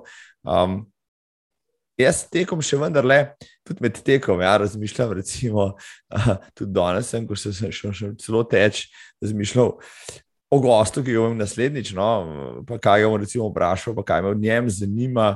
Um, kdaj ti razmišljaš, pa rešiš tudi kakšen problem na teku, pa se s čim spopadeš? Ja, ja seveda. Uh, sej tudi včasih sploh ne laufam. Uh, in doskrat, recimo, če rabim za en problem v službi, vem, dva, tri dni ga ne morem rešiti, grem laufati in potem rešim. Včasih, doskrat rešujem probleme.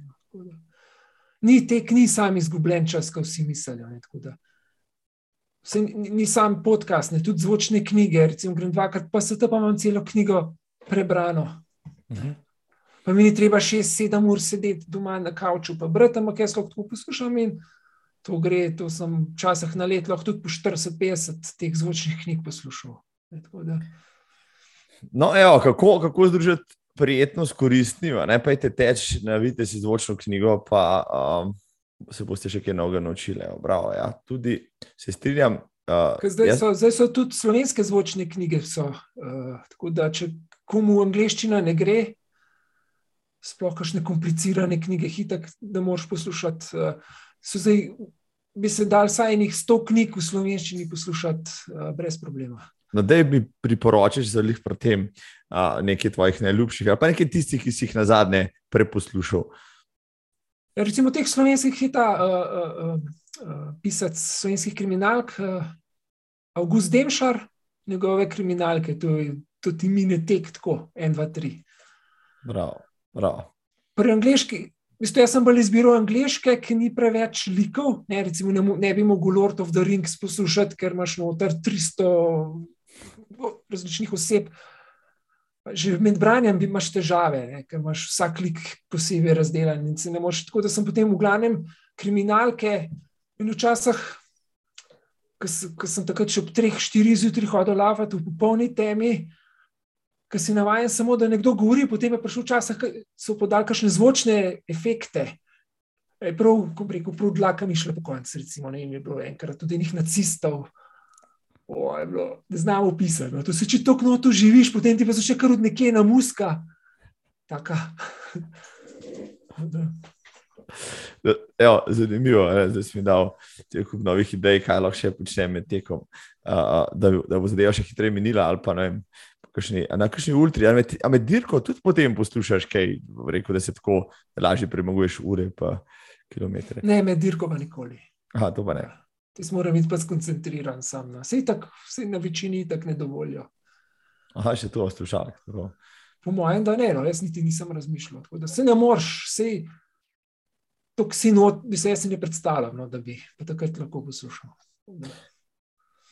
Uh, Evo, super, super. Uh, cel kup novih idej si dal meni, ne pa mislim, da poslušalstvo zdaj le. Um, še eno stvar te moram nujno vprašati. No, Znam si, Boris, svoje dokaj značilni tekaški pojavi. No, Mal si nagden naprej, pa mogoče še v stran. Uh, pa če te kdo pokliče, malo strni še pogledaš tako. Um, tako uh, včasih kar mal nevoljno, pa vem, da nisi nevoljen. Ne? Um, od, či, od kdaj imaš to? Je to tvoja čist naravna pozicija med tekom, um, ki si jo pač zadobil skozi te kilometre, ali si pač že skozi tak? Po mojem, sem že od začetka tak, sem bil še slabš, bil sem z rokami migal in sem rabo par mesecev, da sem se odvadil z rokami levo, desno. Po mojem, že od vedno. Pač, zato pa tečem zjutraj, ki me noben ne vidi. Da ne bi, da ne bi bil kdo ne, pre, preveč. Ja, da ne bi kdo komentarjev. Pa ti je kdaj rekel, moče še tekaški trener ali pa ne vem, še kdo drug, še fizioterapeut. Joj, Boris, s tem le tvojim tekaškim slogom ni pa nič si boš pa naredil cel kup škode, to moraš pa nujno zrihtati. Ne, ni noben, zaenkrat še ne. Verjetno si mislijo, pač, sami tako je zdaj vedno več tudi, ki pravi, boš pustko, kar imaš, kar pa popravljati, ker pa si lahko narediš še večjo škodo, ker je pač telo navajeno. Um, veliko ultraši se pogovarja, marsikdo reče, jo, jaz sem pa tako malo tekaških poškodb ali, ali pa nič, po drugi strani rekreativci te tekaške poškodbe pestujejo praktično skoraj enkrat, dvakrat na leto. Kje pa se ti tukaj najdeš, prej si omenil Ahilko, neto, sigurno si dal skozi kakšno tekaško poškodbo ali dve. Uh, Ahilova, to je bilo čisto presenečenje. Prvič, jaz nisem vedel, da to res tako boli. To je bilo, kot da bi mi nekdo žarečo palco v mišico dal. To res boli, to ne moš verjeti. Ena pikica boli,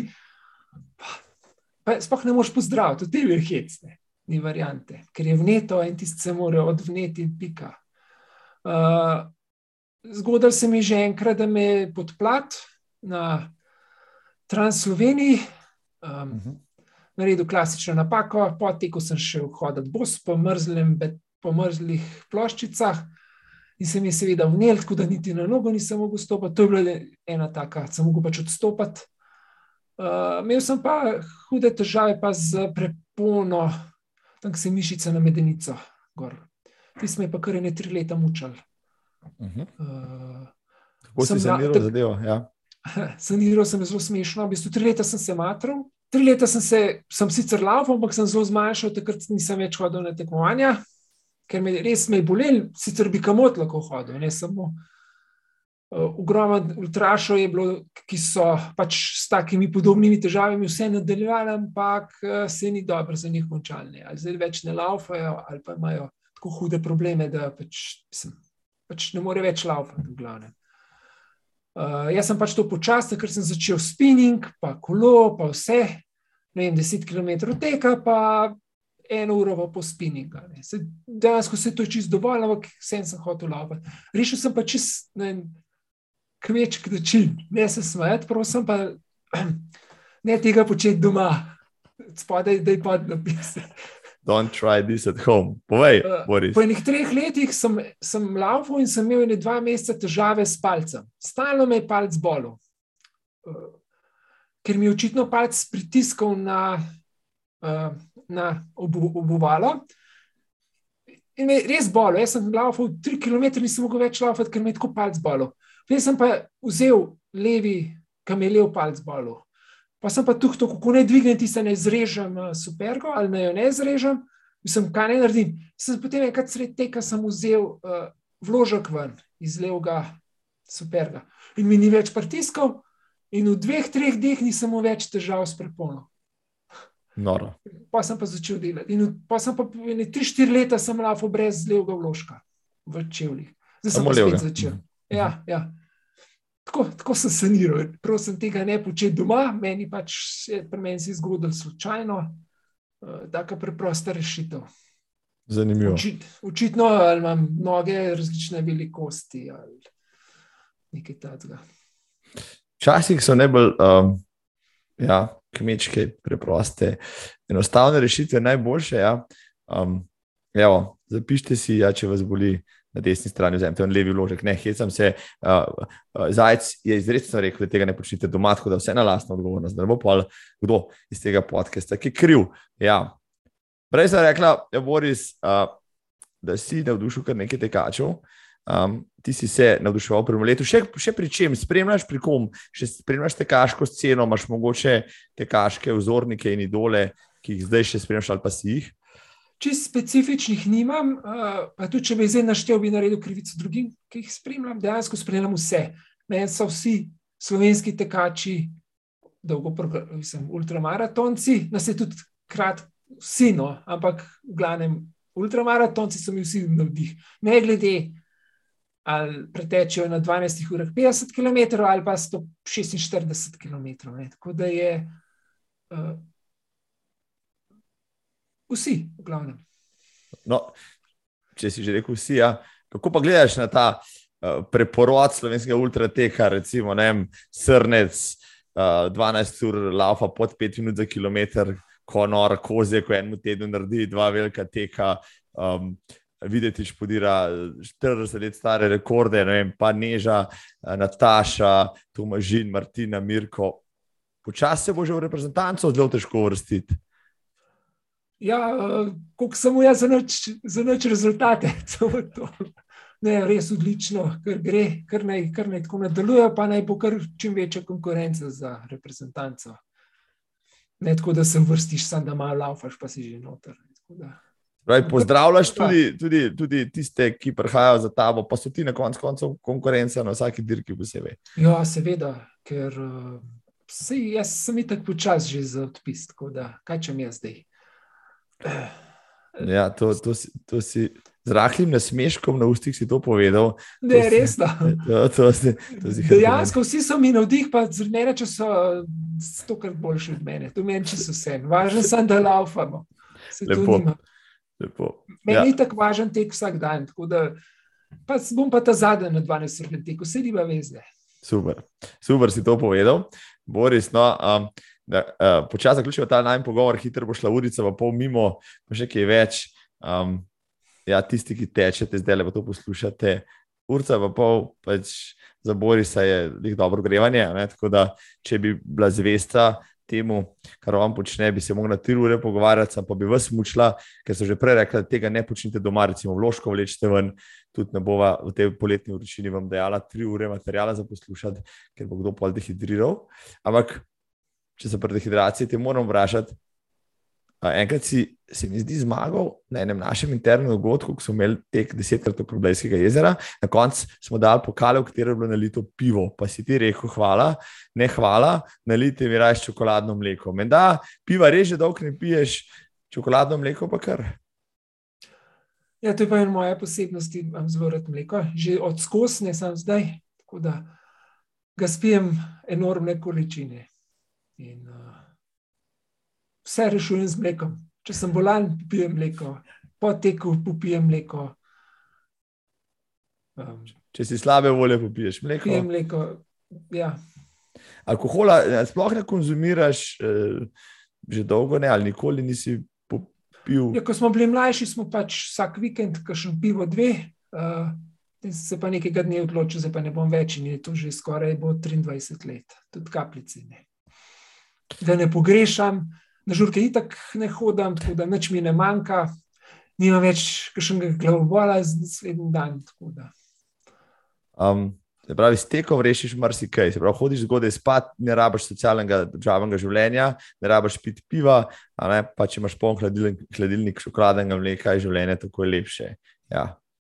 Ja kakšen preprost, preprost recept. Jaz mislim, da bi Rene Drašta rekla v podkastu, da je čokoladno mleko super živilo. Da, evo, zdaj potrdil to še eden, uh, naših, ena naših legend, ultrateka. Uh, Te mi samo še povej, um, te kalorije, pa, pa te kočine, pa to sigurno imaš številke, kot recimo na enem balatonu tekočine spraviš vase. Prej si mi rekel pred pogovorom, da si danes 7 litrov vode že popil, oziroma tekočin, koliko pa na taki dirki spraviš vase tekočin in kalorij. Uh, zdaj, glih štejem ne, ampak uh, kalorij sigurno premalo vode, pa mogoče preveč. Da, uh, če bo kdo kdaj prav, bo mora paziti, no, ker uh, preveč pa tudi ni v redu. Ker, uh, telo pa vse ne more. No, v glavnem, tudi po mojem 15 litrov, najmanj na ultrabalatonu. Um, izvoli, kar poje. Mislim, vsaj jaz sem ekstremni pivec, ne imaš pa tudi kakšne ultramaratonce, ki na 50 km tudi kapljice ne popijejo. Ne, takrat že 2-3 litre saj. Tako da smo različni. Um, no, ja, to, to drži. Ja. Kaj pa Coca-Cola, no? marsikateri ultraš prisega na Coca-Colo? Ja, to je pa naša pijača številka ena. Čeprav včasih mi ne paše in grem fanto, po cukru je isto. Uh, Glavno je samo, ko okolo samo med tekom, ko izven teka, tudi provati ne morem, ker jo videti ne morem. Uh, tudi spijem enormne količine, lahko tudi 3, 4, 5 litrov Coca-Cola. To je skoraj pol kile cukra, minimalno.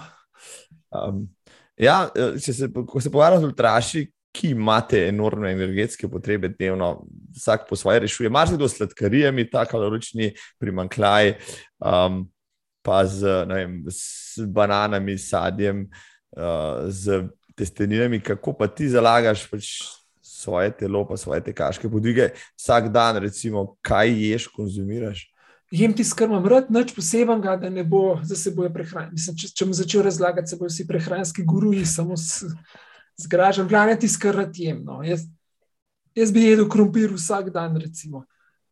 Uh, ampak po mojem, večino energijskih zalog dobim iz mleka. Ne. En liter je 600 kalorij, če spim 3-4 litre, to je 2400 kalorij, pa pa še malo pojem in imam pokrito beljakovino vrh glave.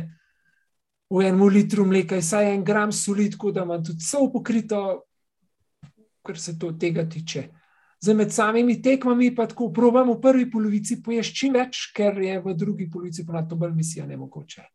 Mhm. Mislim, še nisem videl kakšnega ultramaratonca, da bi lahko na koncu normalno jedel trdo hrano, ker to je pa.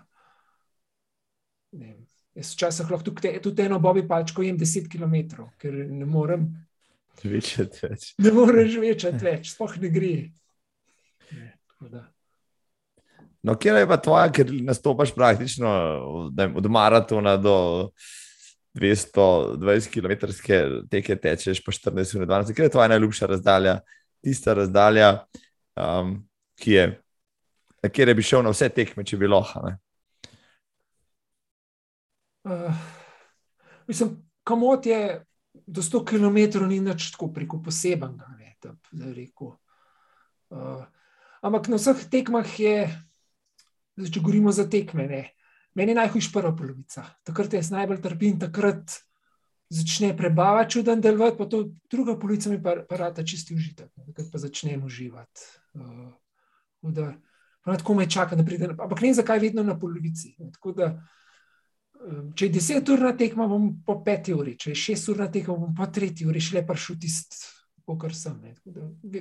Vedno manj tako. Zanimivo. Zanimivo. No, vem, da si te tudi enkrat srečal, mislim, da na Bledu, ko si pretekel, pa si rekel, ja, šel sem ne, v štirih, zdaj le bo familija prišla za mano, pa se gremo kopati. Združuješ potem tudi svoj tek z družinskimi aktivnostmi na ta način, no, da ti, ko se ostali pelijo, pa tečeš na destinacijo. Ja, ponadko na Bled grem jaz vedno laufat, uh, ali pa če, če še taka destinacija, spok, če se lahko še stoširam. Oni grejo pač 40 km, jaz pa za njimi pretečem. Samo jaz grem pač 3 ure pred njimi, ne, tako da nas ni. Um, no, tvoji otroci so zdaj že kar veliki, no pa spremljajo svojega očeta, kar, kaj počne, kakšne komentarje pa imajo. Kako pa jih se, se oni tudi morda navdušujejo že nad tekom ali si mislijo, da to pa kar fotor počne. Je pa neki čuden hobi, ja, pa ne bomo šoli razlagali, ker bo mislil, da je čuden prva stvar, ki pridem z tekme, jaz prinesem pokal, ker sem jih vedno nosil. In če niso, zdaj sem prišel iz Kranja, ker sem pač, absolutno sem bil šesti, da v državnem sem dobil leseno kolajno. In, a si prinesel kakšno kolajno, ne nisi, ne. Ah, pa pa, nas ne zanima. Recimo, pravi, to ne, ne vem, se hecijo, ne, ampak mislim pa, vsaj tako imam občutek, jih navdušujejo se, ne. Uh, Če, ja še ne, ampak mislim pa, da vseeno vplivam na njih, tok, da pa malo razmišljajo o tem. Ne. Recimo, zdaj le grem z najstarejšo hčerko, me je presenetila, da ona hoče iti uh, začetku julija peš iz Ljubljana do Bleda. Tako da to bo zdaj. Uh, podvig. Podvig 12 urni, jaz, jaz bom sicer umrl, tistim, ampak bom mogel, rekel, biti. Uh, Kooperativen, pa zdržati. Ja. Ja, ja. Ker jaz bom probil prejšnji, pa se to odlaufati, zato da dobim tisto svojo dozo, bom šel pa še peš na bled. Uh, ta sreden uh, se sploh ne zanima, bi sem košarko igral. Uh, uh, to, ta mala pa, ta mala pa celo trenira pri masu. Aha, no, Ampak je šele, ko je devet let stara, uh, jih zdaj šele tipajo, sploh, ker, ker, ker ni samo ena disciplina, ampak je tipajo. Ampak ona je pa zelo navdušena, uh, zelo rada se gibe, pa zelo navdušena. Tako da upam, da, imamo, da imam, da imam nasled, da imam naslednico. No, ne, zdaj, vsi tri otroci pač nekaj počnejo, vendar le je. Pa če ne posreden, pa posreden vpliv, ne, ne mogoče neposredno športom, ki ga pač prakticiraš, ampak športom nasplošno. Tvoj način življenja je način v gibanju, tako da tudi to je.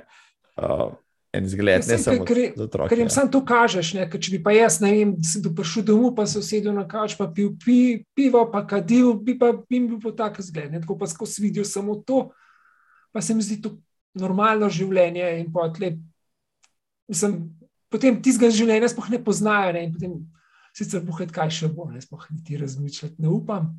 Ampak. Eh, Zaenkrat je Meni je samo važno, da, zna, da bojo znali za svoje zdravje skrbeti. Stalo mi je čisto vse, kaj bojo počeli.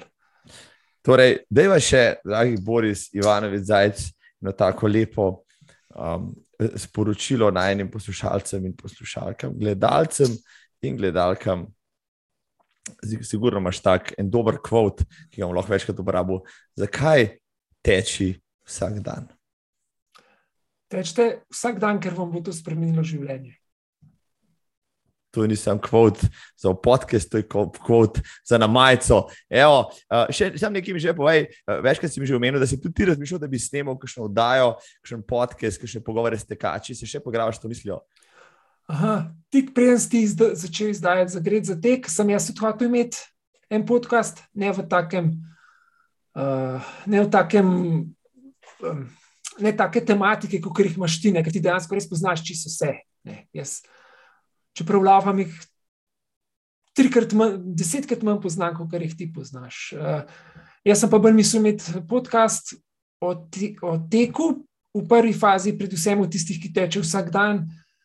Zakaj teče vsak dan, ali kako jim je to spremenilo življenje, in tako naprej, in bi tudi nekako sezonsko izdajal. Ampak nekako nisem imel poguma, oziroma nisem nekako se spravil do tega. No. Se pa spet prišel, tako da sem odrešil te, tega. No, na vsak način, uh, če ti tega ne boš počel, se bo še minilo, dobila. Jaz sem še cel kup tem za obdelati, pa danes je to vprašanje vrsto. Um, Samo še povej, da bodo uh, poslušalke in gledalke še posebej zainteresirane, kje te lahko srečajo, na katerih tekih po Sloveniji. Rekl si, da, prej, da nekih 9-10 tekem na leto imaš, na katerih slovenskih te letos lahko še srečamo v živo. Tistih 9-10 sem jih imel, uh, zdaj sem bolj izbirčen. Uh, Neč letos bom šel samo še na uh, slovenski, samo Ljubljanski maraton, pa 100 v Ajdovščini. Ostalo so tuje, ne rečeš, svetovno prvenstvo. Svetovno prvenstvo, mogo, mogoče, če me bo prijel, bom šel še to logarska celje. Uh mhm. -huh. Mogoče, ni pa nujno. No, če bom pa samo treninge, kakšne daljše, Ljubljana celje, ali pa Ljubljana izola, ali pa Ljubljana Kranska gora, take. No, se, eh, če se rečeš, da je nekaj tekaš, kdaj kdo pridruži na teh tvojih podvigih daljinskih za trening? Uh, je ponovadi s temi, ki ponovadi tečemo, se zmenimo in gremo teči. Če skupaj ne vabim, ker problem je, moš imeti nekako. Um, se ni problem, jaz bi lahko tekel z vsakim. Ne. Sam problem je, vsi nimajo časa, pa nekakšna hitrost vseh ni enaka. Ne, Zdaj, ne morem vabiti nekoga, ki teče. Ki bi tekel 80 km, 14 ur, ne, mi vsem to prelaufamo v 8 urah, 9. Ne, tako da uh, moram biti malo izbirčen, kar se tega tiče, drugače pa ponovadi samo te, no, kaj jaz tečem. Spoštovana publika, uh, cenjeni gledalci in poslušalci. Uh, Afna, tek vsak dan na Twitterju in na Instagramu, Borisa Ivaniča, zajca dobite, uh, lahko povprašate, uh, tudi kje se opišete, pa kdaj se lahko opišete, ko tečete vsak dan v statistiko pa bo on povedal, kaj delate prav, pa narobe. Boris Zajec, dragi prijatelj, super pogovor je bil tole, kaj pa moramo to še ponoviti, ima še cel kup res idej. Um, mogoče potem, ko bo zmagal na svetovnem ali pa kitajskem, ja. um, pa prinesel spet kakšno medaljo domov, ja, pa otroci veseli. Tako, um, za dosti ti zahvaljujem, no, prehiter je minila ta urca, pa pol, mislim, ko mi sem uspel strkati dvakrat iz svojega kozarca vode. Hvala za vabilo. Se vidijo, upam, da kmalo uživo ali pa tako le. Lepo se me je, Boris, se vidimo tam zunaj. Adijo.